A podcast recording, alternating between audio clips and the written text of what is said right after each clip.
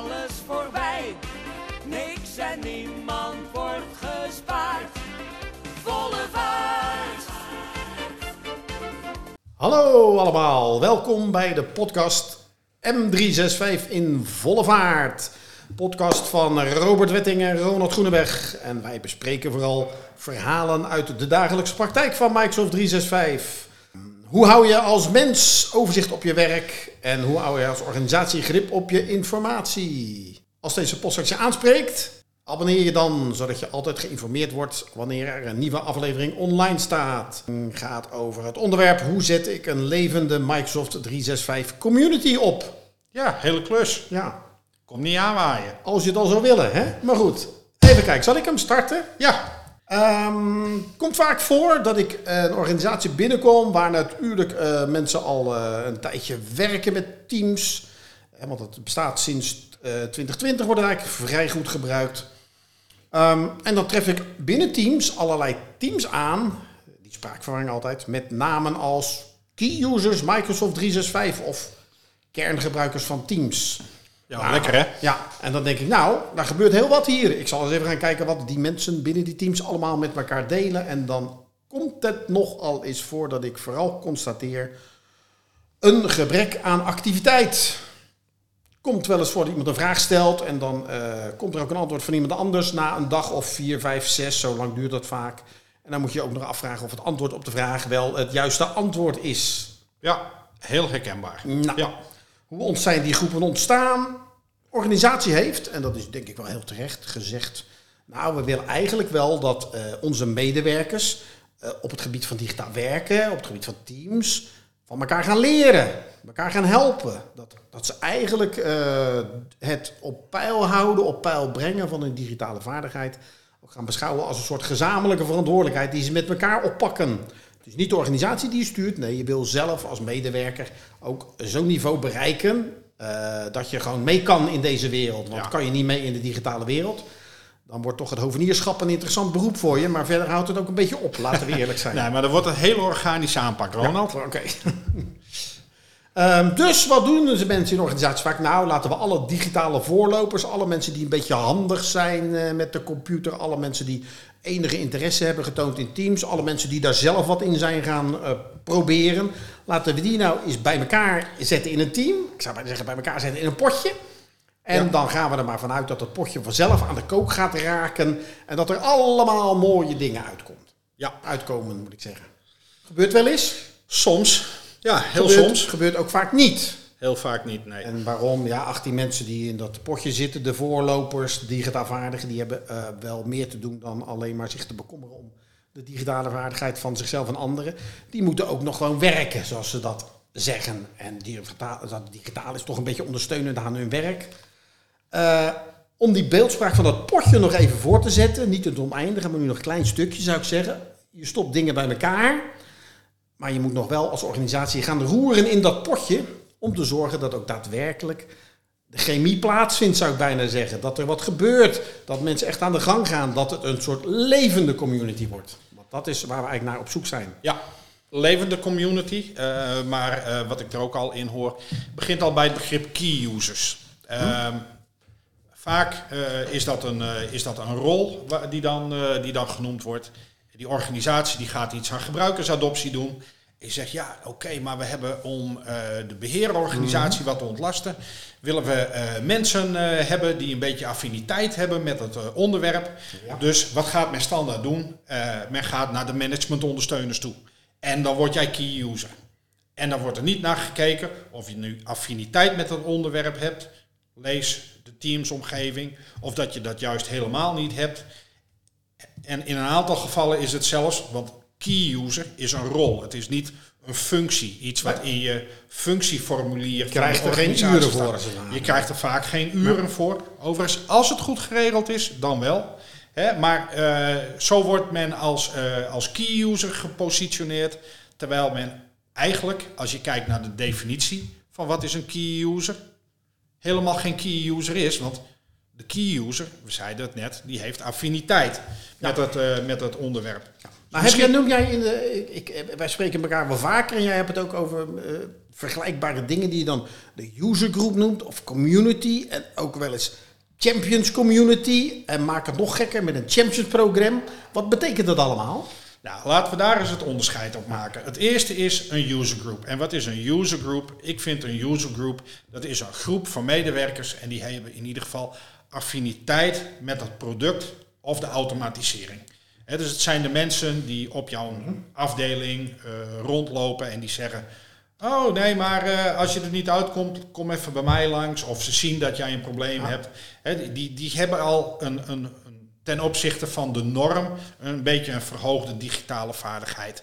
Dat zijn mensen waarvan ik zeg: Ja, weet je, die, uh, die, die vinden dat interessant. Die willen naar sessies toe komen waar ze meer kennis van, in dit geval Teams of andere Microsoft 365 producten krijgen. Dat is een user group. En die willen ook wel meedenken over de toekomstige ontwikkelingen. Hoe gaan we dat doen? Dat soort ja, dingen? heel vaak wel. Hè. Je ziet daar inderdaad wel dat, uh, dat daar een, een, proactieve houding is. Een stukje uh, nieuwsgierigheid. Nou, uh, daar komen we straks overigens in, die, in deze podcast. gaan we ja. daar nog wat verder op in. Als je ja. kijkt naar de term senior user group. Die kom je, kom je dan ook wel tegen.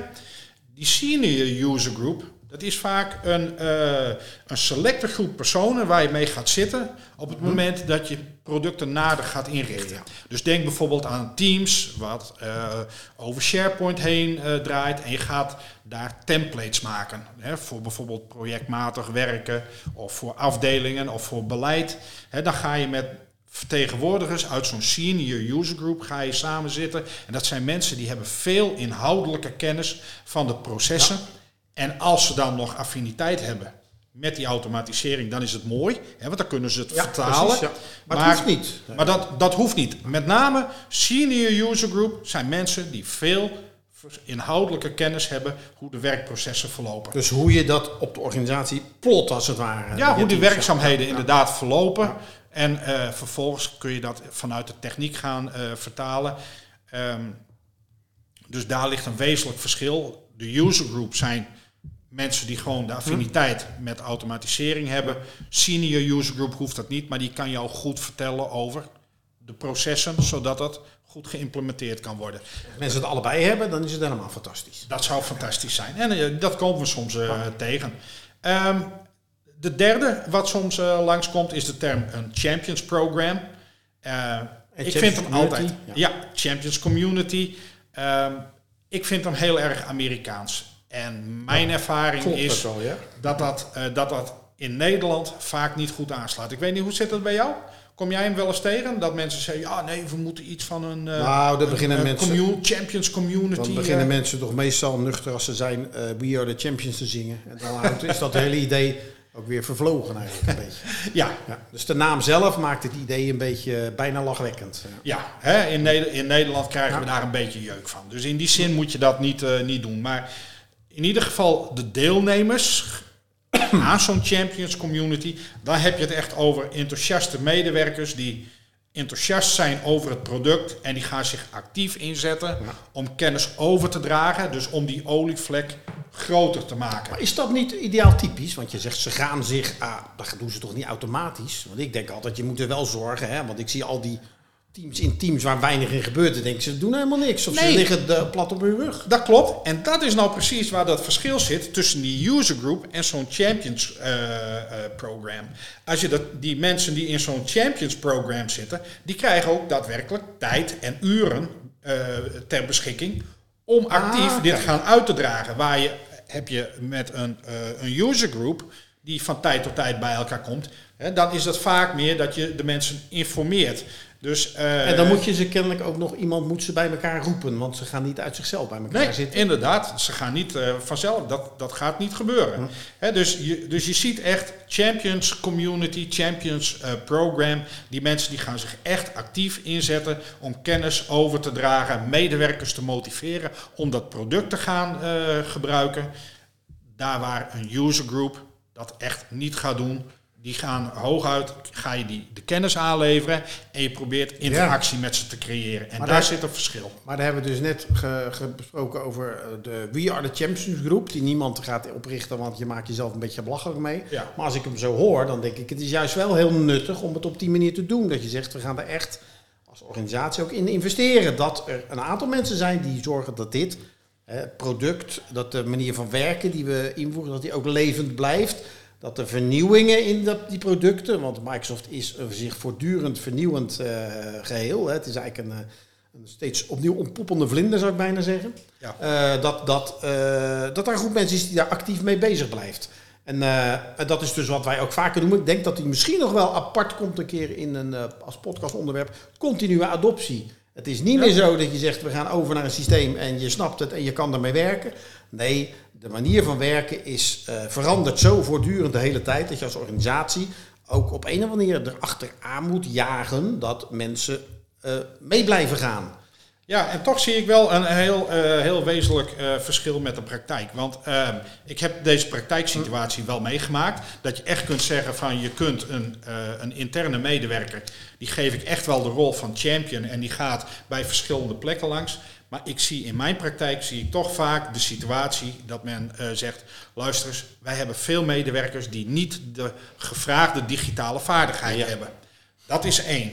Vervolgens wordt er vanuit het implementatietraject wordt er gekozen van joh, ik ga dat anders oplossen. Lees, ik ga floorwalkers ga ik inzetten. Hè, of eh digicoaching, hoe je het ook maar noemen wilt. In ieder geval mensen op de werkvloer Ja. die eh, digitaal vaardig zijn. Nou, dat wordt vaak ingehuurd, maar bij voorkeur is het natuurlijk het mooist als je dat met eigen mensen kunt doen. Ja, zeker. Ja. Of een combinatie.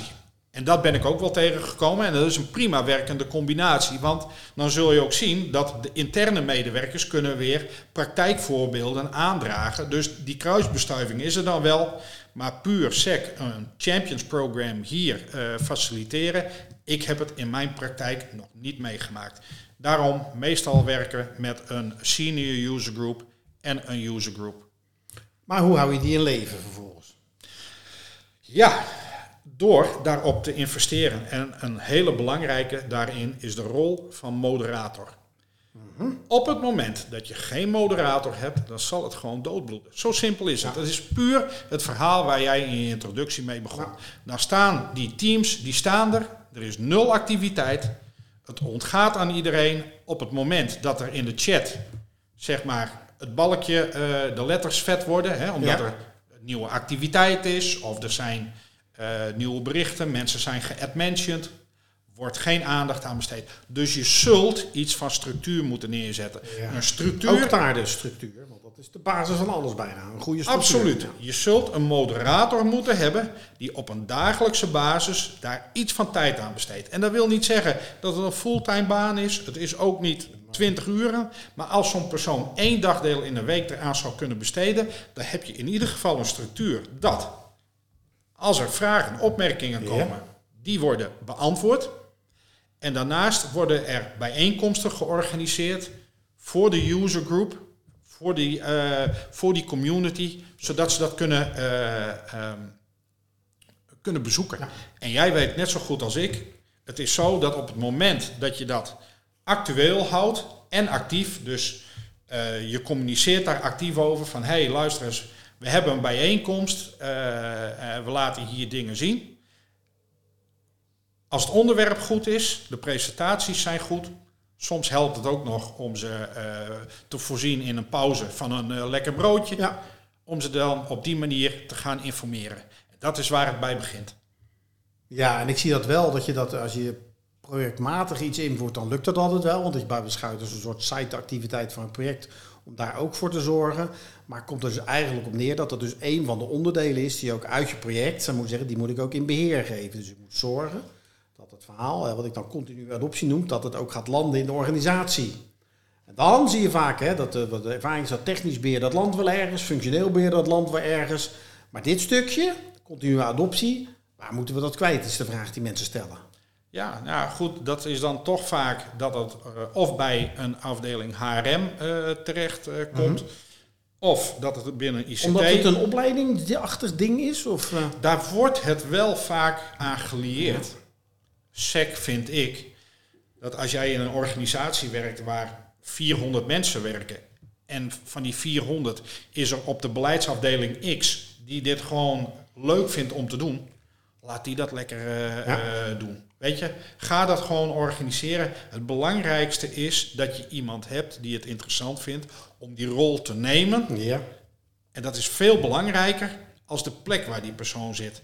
Hè? En, en eh, je moet gewoon tijdig moet je gaan nadenken van oké, waarom wil ik zo'n champions community hebben? Waarom wil ik, eh, hè, wat is daar de toegevoegde waarde voor? Ja, ja. Of waarom wil ik een user group hebben? Want daar zitten hele belangrijke verschillen in.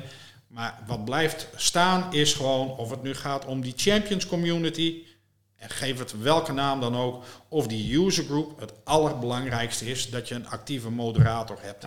Maar het, wa- het waarom, denk ik, is toch van al die groepen wel duidelijk. Je hebt te maken met het feit, eh, deze ontwikkelingen met Microsoft 365 vragen heel veel van digitale vaardigheden van alle medewerkers. Want iedereen werkt wel in die algemene kantoor, kantoorautomatiseringsomgeving. Dat is één. Maar tegelijkertijd weer informatie een beetje goed op orde houden, vraagt het ook heel veel van informatiebewustzijn van mensen. Ja, En dat is al een reden om te zeggen dat we dat niet alleen centraal vanuit een informatieafdeling aansturen of ergens vanuit ICT. Want dan denken mensen mooi verhaal, maar het galmt wel weg. Ze willen, je moet eigenlijk zeggen, dat moet, het moet helemaal doordringen in de organisatie. Ja, nee, eh, ben ik helemaal met Ja. je eens. En, en, en daarom aan de ene kant zeggen we, ja, die Champions Community, het klinkt zo Amerikaans, het past niet.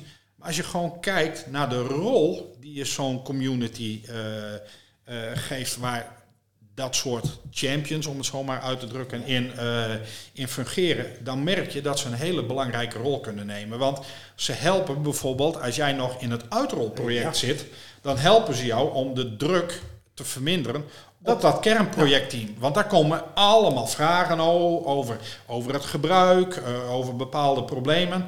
Ja, heb je deze mensen rondlopen op de werkvloer, dan kunnen die, eh, die, eh, die champions, die kunnen daar al een, Precies. een iets beantwoorden. En, en ze kunnen ook doorlopend, kunnen zij eraan werken. Hè. Kijk, op het moment dat jij vanuit het project Ja.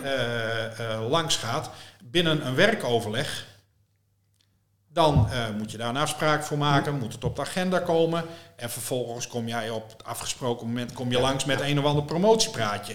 Heb je, eh, eh, werk je met zeg maar champions op die, op die plekken, dan heb je het voordeel dat zij zitten al bij dat werkoverleg. Ze zijn al uitgenodigd.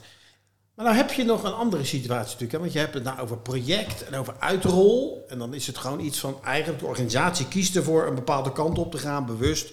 We gaan die kant op door een project te- te starten en uit te voeren. Waarin we in ieder geval zorgen dat bijvoorbeeld iedereen wordt overgezet op een goede manier naar de Microsoft 365 omgeving eh, en naar Teams en SharePoint. Maar dan kan je zeggen, in dat project geef ik zo'n projectopdracht mee. Organiseer ook dat dit geregeld wordt. Dat Ja. zou kunnen. Je hebt ook organisaties die veel minder directief zijn, veel minder hiërarchisch, veel meer een beetje als een soort organische familie eh, opereren. Dat heb je in, zeker in gemeenteland zijn er zulke gemeentes. Ja. Dus dat zijn mensen die elkaar nooit zo snel, niet snel de maat zullen nemen, waar heel de sfeer, het echte broederlijk en zusterlijk samenwerken, zou ik maar zeggen, dat is daar heel belangrijk. Dus die hebben ook, hè, dat is voor sommige mensen weer dat fijn hoor, zo'n organisatie, omdat je dan creatief lekker een beetje je eigen ding kan doen. Ja. En je wordt nooit van bovenaf eh, tot allerlei dingen gedwongen. Je moet alleen zorgen dat je een aantal resultaten bereikt. En hoe dat is dan jouw eh, eigen manier van dat invullen. Eh, dat soort organisaties kiest er niet snel voor om te zeggen we gaan gedwongen iedereen overzetten.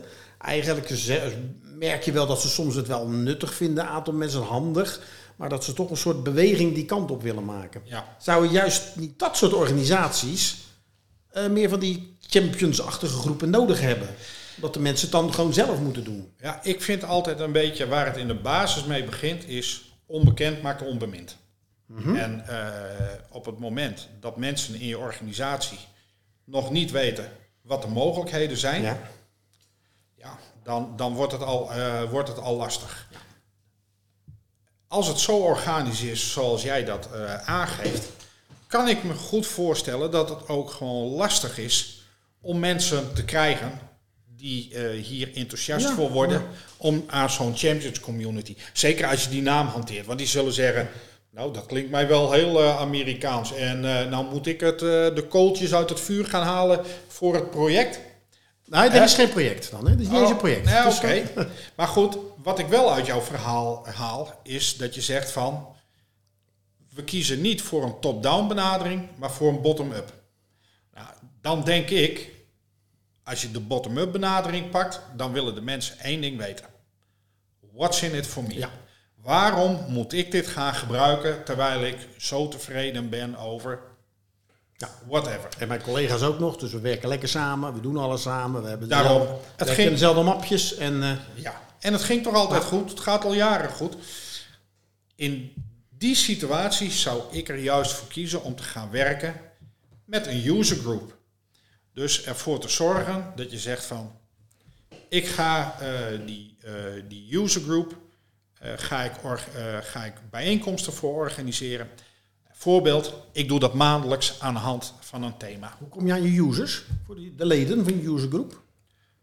Eh, promotie. Promotie. Ja, promotie. En Of je weet het misschien, weet die en die en die zijn wel geïnteresseerd. Praat eens met mensen, dat soort. Gewoon informeel. Want zo gaat het in organisatie. Informeel ga je proberen iets voor elkaar te krijgen. Ja, ik, nou, we, we, we, hebben, we hebben wel verschillende aanpakken hebben we, eh, gebruikt. Wat we gedaan hebben is uiteraard het verhaal eh, via het kanaal mail. Ja. Gewoon één keer een goede aankondiging, organisatiebreed doen. Want daar wil je de mail niet voor blijven eh, misbruiken. Zo is het maar net. Ja. Een, eh, een aanpak waarvan je zegt van ik doe ook iets met postertjes. Het intranet is een goede oplossing.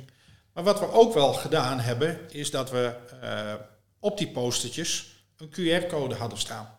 En op die QR-code, eh, die konden ze scannen. Ja. Dan kwamen ze op een forms eh, formulier uit. yes, ja, ja. Dat En dan, konden, ze. en, en dan konden ze zich aanmelden.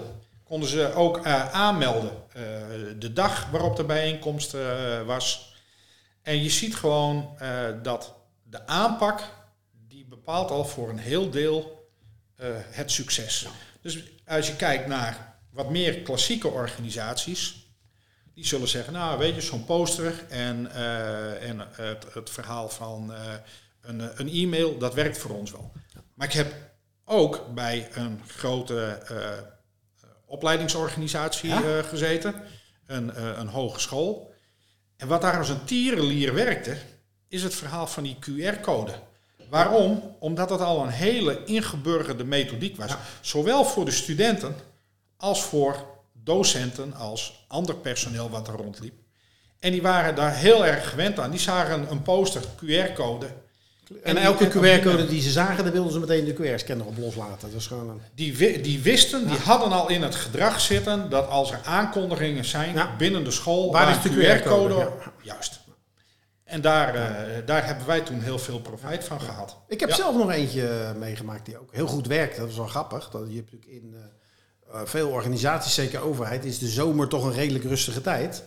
En toen hebben we op een bepaald moment gezegd, laten we gewoon summer school gaan doen. Dus we zeggen, we hebben een aantal dingen die eh, niet helemaal standaard zijn. Een aantal, het ging dan over bepaalde apps binnen Microsoft, waarvan we zeiden, de- we denken dat mensen die functionaliteit van die apps, de planner bijvoorbeeld, of Ja. eh, OneNote, dat wel interessant vinden. Ze gebruiken het nog niet zoveel. Het heeft binnen Microsoft echt een bepaald doel. En daarom heeft Microsoft het ook op een bepaalde manier geïntegreerd in zijn omgeving. Het zou reuze handig zijn om dat in de organisatie wat meer verspreid te krijgen. Laten we eens beginnen met de grote aankondigingen. Van de zomer hebben wij zes keer een uurtje over dit onderwerp. En toen zag je dat daar toch in de zomer ook die mensen even de tijd hadden, niet zoveel overlegjes hadden, ook niet de hele tijd op vakantie waren. En toch op die manier wel weer in contact kwamen met en ook meer geïnteresseerd raakten in deelnemen aan een iets, iets gestructureerder geheel als misschien een user community. community. Ja, eh, het, het verhaal van de summer school, ik ben hem nog niet tegengekomen. Ik vind het wel een heel goed, eh, goede benadering. Eh, zeker omdat in de zomer wat minder druk is. En hoe ben je dan tot dat programma gekomen?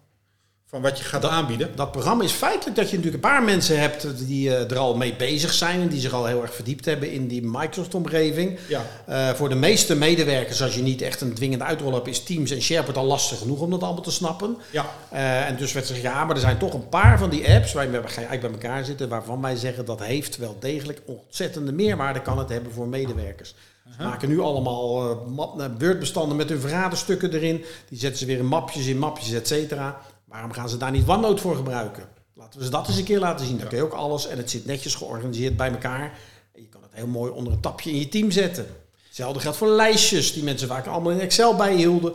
Terwijl je denkt, nou, je kan die lijst ook mooi in Microsoft-lijst van maken, zou ik maar zeggen. List, en dan, ja. ja, list. En dan heb je eigenlijk op het moment dat je iets wil gaan invullen, hoef je niet in Excel in zo'n regeltje gaan intypen. Krijg je eigenlijk gewoon een formuliertje voor je neus. Je vult gegevens in, klak.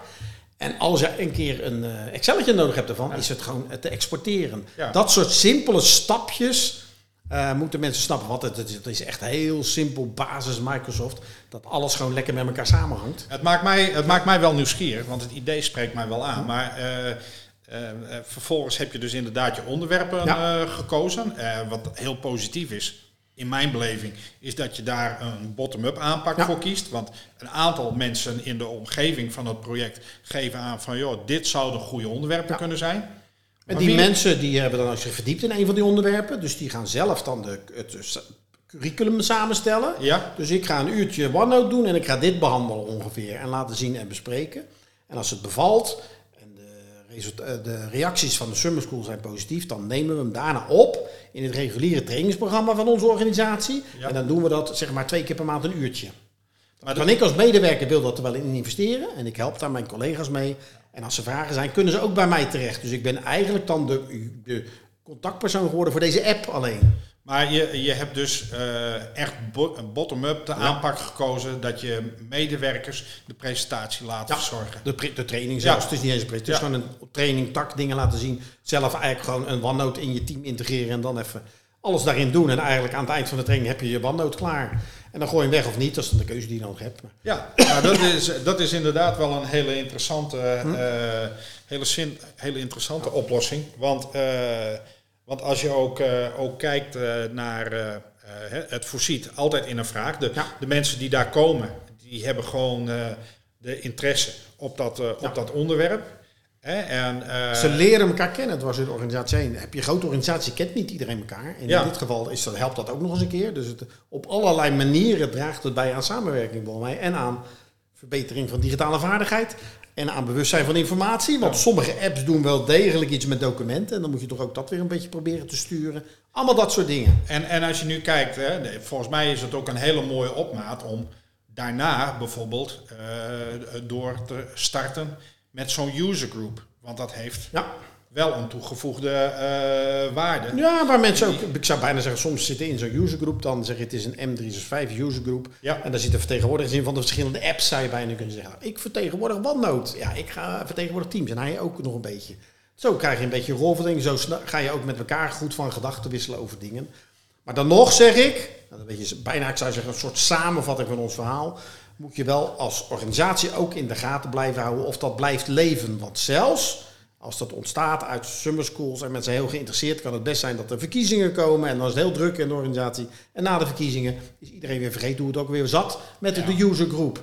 En dan is die ook weer plat op zijn rug gevallen. Ja, want als je nu kijkt naar die, eh, hè, om- de doorkijk te maken naar die user group, hè, aanpak in eerste instantie Summer School. Nou, daar zou je spin-off Ja. van kunnen hebben. eh, dat komt een, eh, een user group.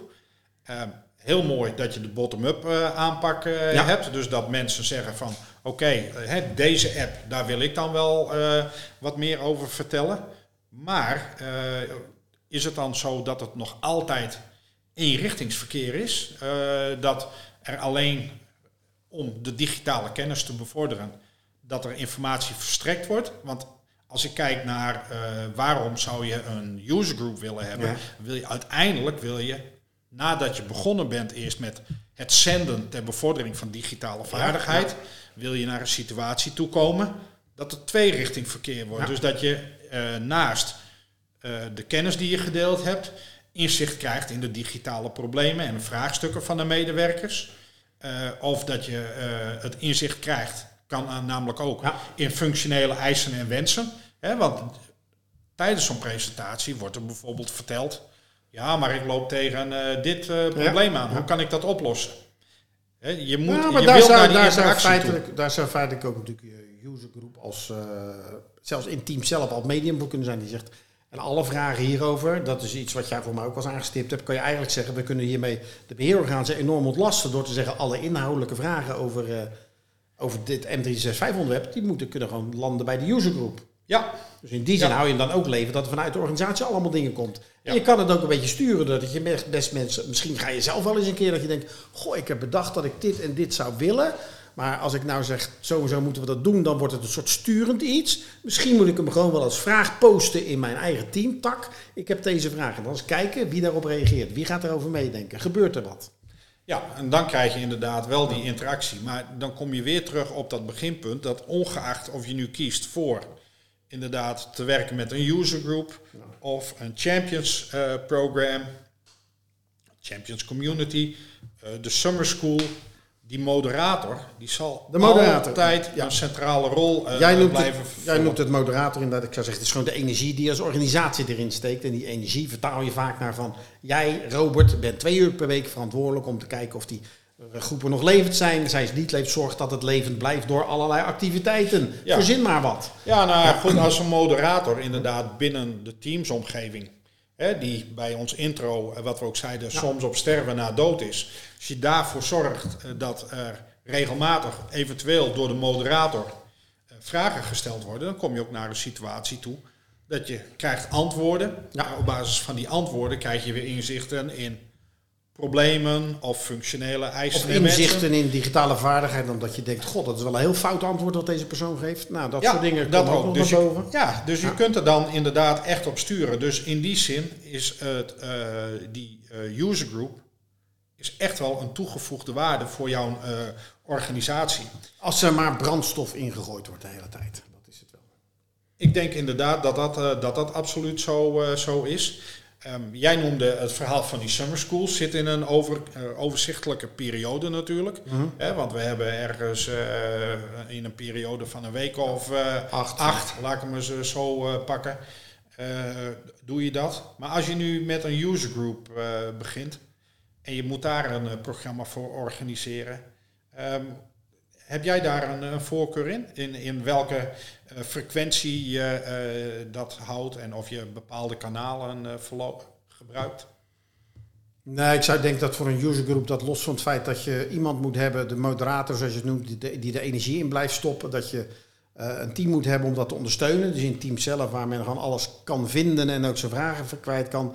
En eens in de zoveel tijd een bijeenkomst die minstens gaat over wat er weer voor dingen zit aan te komen of welke apps wij als organisatie eigenlijk wel graag wat meer eh, met nadruk zouden willen positioneren onder de medewerkers. Ja, En dan hoef je dat echt niet heel vaak te doen. Drie keer per jaar is misschien wel genoeg. Gecombineerd met de summer school. Gecombineerd met het feit dat uit de summer school gewoon een soort vaste rooster volgt van eens in de zoveel tijd kan je bepaalde korte trainingen volgen. Ja. Dat is voor mensen wel te doen, een uurtje. Er valt een eh, vergadering uit, oh dan kan ik even een keer een training doen. Dan denk ik dat dat al voldoende moet zijn om dat een beetje levend te houden. ja. Nou, wij, wij hadden eh, bij, eh, bij een van de klanten hadden we een hogere frequentie. Maar daar hadden we een iets andere aanpak. Eh, daar zaten we wel in de klassieke aanpak, om het zo maar te duiden, dat mensen OneDrive gingen gebruiken. Daarna zag je het verhaal van, van Teams. Eh, Planner deed meer zijn intrede. En daar zijn we meegelopen. Dus we hebben gezegd van de onderwerpen laten we deels laten we bepalen door waar staan we nu in de uitrol. Wat, Ja. is, wat zijn de veelgebruikte apps? Waar komen de actuele vragen onder? Ja. Dus we lieten dat daar wel deels vraaggestuurd eh, lieten we dat eh, bepalen. En we hadden een maandthema. En wat we eh, deden, even een voorbeeld, maandthema is OneDrive. Dan hadden we bijeenkomsten op vaste momenten. Je kan er ook een podcast over maken, Ja. zo'n onderwerp, om wat te noemen. Hè? Wat we daarin deden, was in ieder geval dat we zeiden... op de eerste dinsdag van de maand, de derde donderdag van de maand... van 11 tot 12 is er een bijeenkomst over het maandthema. Ja. En dan de derde, want die eerste twee bijeenkomsten waren altijd fysiek. De derde was op de laatste vrijdag van de maand, ook van 11 tot 12, maar dan was hij online.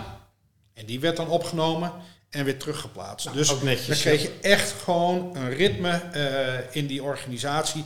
Dat je kon zeggen van oké, ik kondig die. eh, kondig een thema aan, ik kondig de verschillende sessies aan. Was er zich belangstelling? Belangstelling?